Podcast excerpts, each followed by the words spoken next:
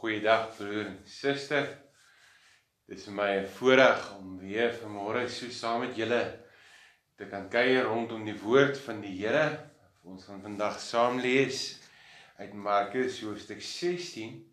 So as jy wil kan jy jou Bybel nader trek so lank voordat ons begin, kom ons sluit die oë dan bid ons saam. Die Here het opgestaan. Die, die Here het waarlik opgestaan. Dood, waar is jou angel? Doderyk, waar is jy jou oorwinning? Die Here, Jesus Christus, het die oorwinning behaal. Amen. Broers en susters, as jy vanmôre dan by ons aansluit, sal jy ook sien ons het klomp ons liturgiese ruimte het so 'n bietjie verander na aanleiding van die tyd wat ons ingaan. As jy kyk dan gaan jy sien oor die kruis is 'n wit doek wat dan simboliseer wat ons herinner aan die liggaam van Jesus wat wat wat die of die doek wat om die liggaam van Jesus was. En op die Paasmôre was dit eenkant opgerol gewees soos wat die gedeeltes vir ons sê want die Here het waarlik opgestaan.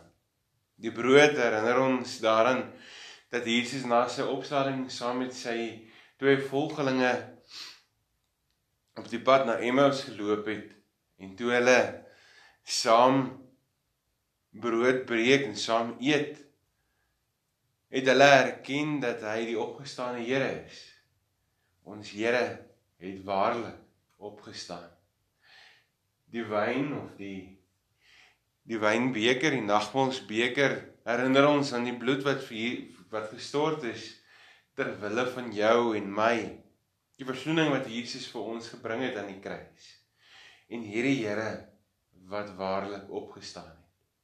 So brand die kers wat dan Jesus se se se opstanding simboliseer, die Christuskers En ons dink in 'n besondere manier aan dat Jesus die brood van die lewe is. Ons dink in 'n besondere manier daaraan dat Jesus die lig vir die wêreld is. Dat hy die ingang is, dat hy die goeie herder is. Dat hy die opstanding en die lewe is, die weg, die waarheid en die lewe vir elkeen wat in hom glo. Hierdie Here het opgestaan. Hy het waarlik opgestaan. So nooi ek jou om saam te lees uit Markus hoofstuk 16 so wat ek gesê het. Voordat ons saam lees, kom ons bid saam. Here, dankie Here dat ons hier kan wees in hierdie oomblik, Here, waar ons gekonfronteer word deur 'n klomp goed. Word ons ook gekonfronteer, Here, met u opstanding, met u Here wat leef met u Here wat alles het ter wille van ons.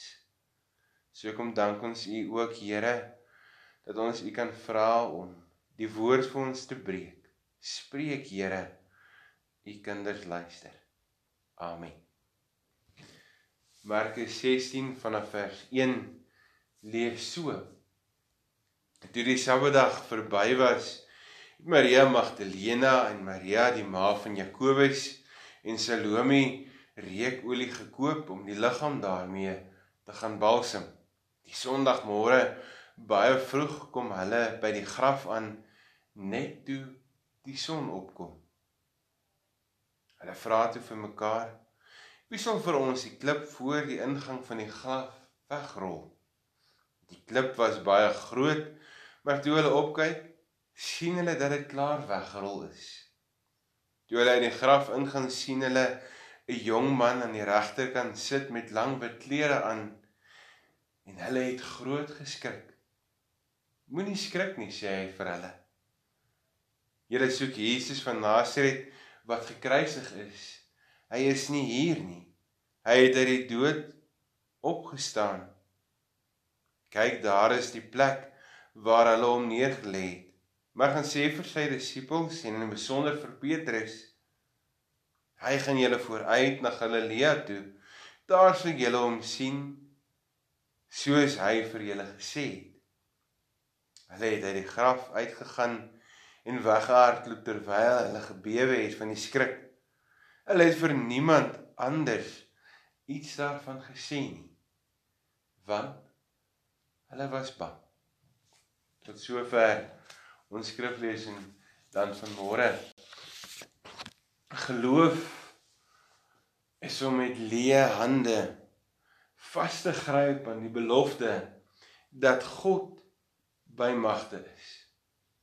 As ons in hierdie opstandingsmôre gekonfronteer word weer met die opstanding, kom ons by die vraag uit, maar wat beteken dit vir my en vir jou?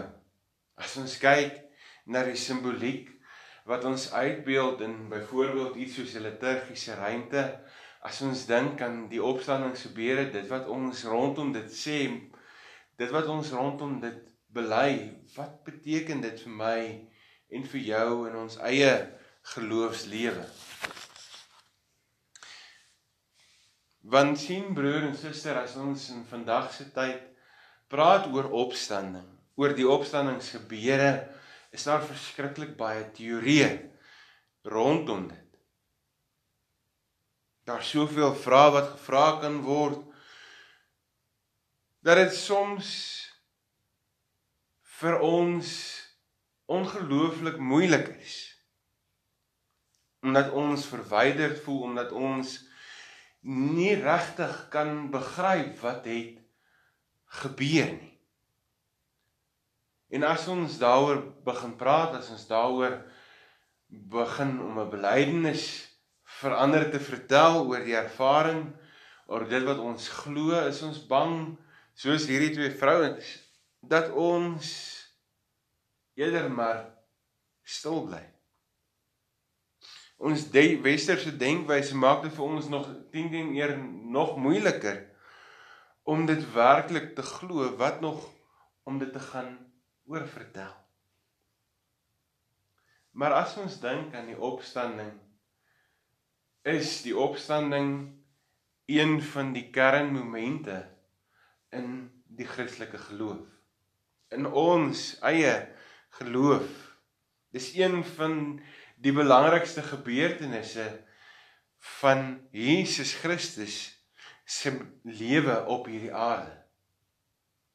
Want Christus het gekom as brugbouer en soveel meer om met my en jou in 'n verhouding te staan en so ook te veroorsaak dat ons met die lewende God in 'n verhouding kan staan sodat ek en jy ewig saam met Jesus kan leef as ons in hom glo. Sodat ek en jy in hierdie wêreld sal sien en kan beleef, maar eintlik het hierdie gebeur dat die wêreld op sy kop kom draai. Omdat die opstanding plaasgevind het, kan ons nie meer dieselfde leef nie. Kan ons nie meer dieselfde dink oor geloof, oor die normale gang van die lewe nie, want ons Here leef. Die eerste getuienis van die leë graf wat dit beleef het, is so oorbluf dat hulle tot stilte gedwing is en dat hulle eerder weghardloop. Hulle het eerder niemand iets daarvan vertel nie. So kom sien ons in hierdie gedeelte in vers 6 die jong man waarvan die gedeelte praat wat sy belydenis kom gee oor die oor Jesus van Nasaret wat gekruisig is, wat neergelê is in die graf. En hy bely dit soos volg in vers 6 Moenie skrik nie sê hy vir hulle.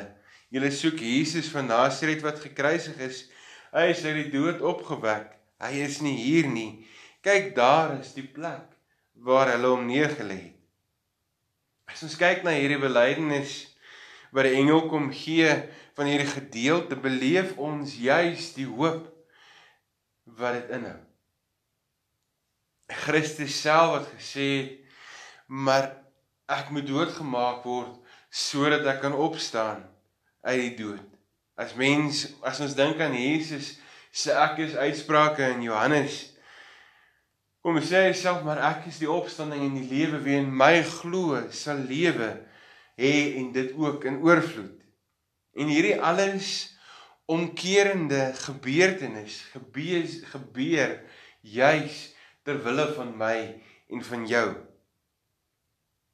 Wat moes deur hierdie vroue se kop gegaan het? Wat moes hulle gedink het in hierdie oomblik? Wat het in hulle gemoed gebeur die oomblik toe hulle hierdie woorde van hierdie jong man hoor, toe hulle hom sien?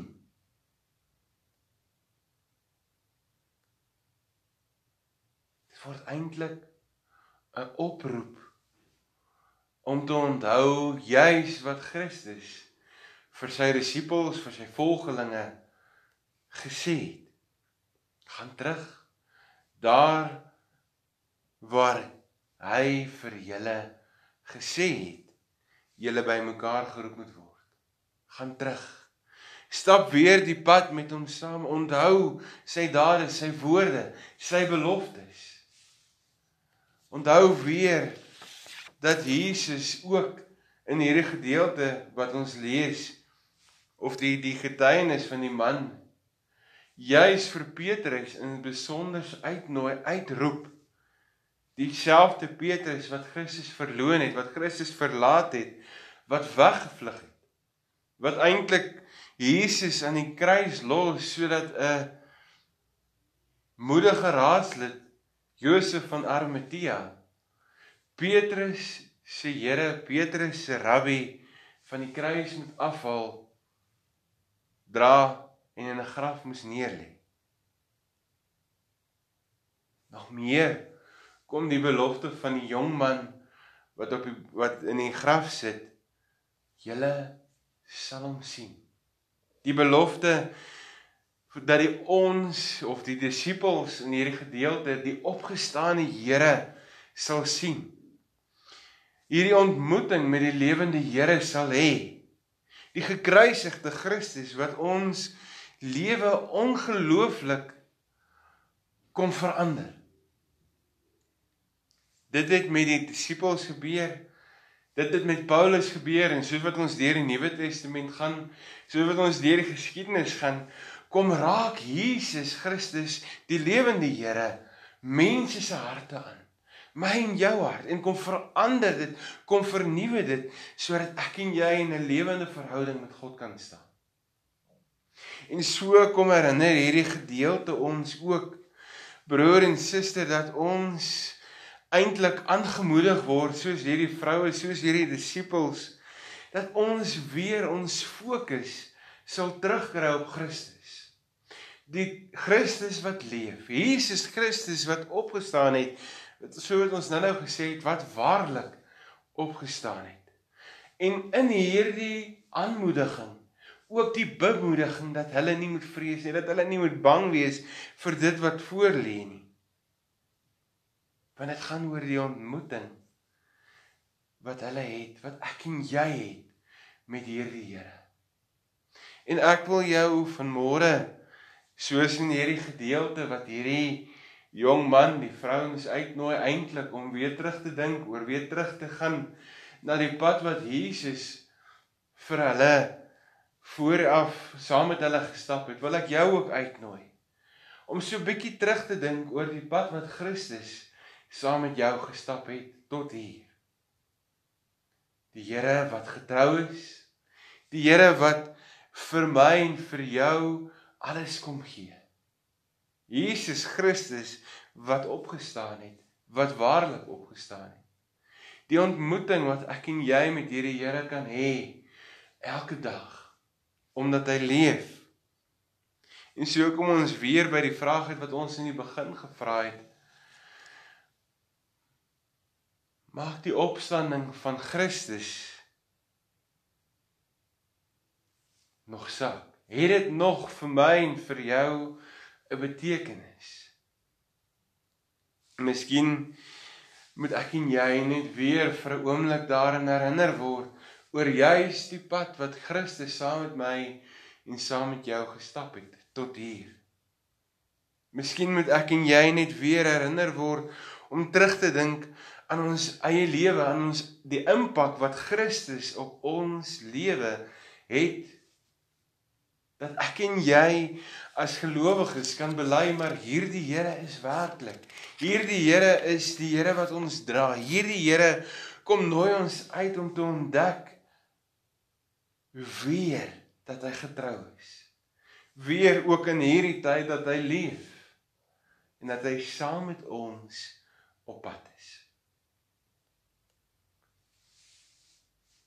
Met dit wil ek afsluit met die verhaaltjie wat vertel word van 'n juffrou wat haar kinders vra om in hierdie om in lente tyd so 'n bietjie 'n uitbeelding te gee van wat hulle sien as nuwe lewe. En Jannie kom my sy beerd en hy staan voor in die klas en hy het nie regtig iets by hom nie. Al wat hy by hom het is 'n leë vuurhoutjie dosie. En in hierdie oomblik kyk die juffrou vir Hannetjie vir vir Jannie baie vreemd aan. Maar wat maak jy met hierdie vuurhoutjie boksie? Hoe simboliseer dit vir jou nuwe lewe want hy staan leeg? En Jannie staan so en hy sê juffrou, Jesus se graf was leeg. En dit kom sê vir ons iets van nuwe lewe. Hierdie gedeelte van die vroue wat vroeg op die Sondagmôre by die graf was, het hierdie belewenis van 'n hele lewe wat verander. So ook ek en jy as ons die ontmoeting het met die lewende Here, verander alles. En ek wil jou ook uitnooi, broer en suster, om hierdie getuienis te gaan uitleef.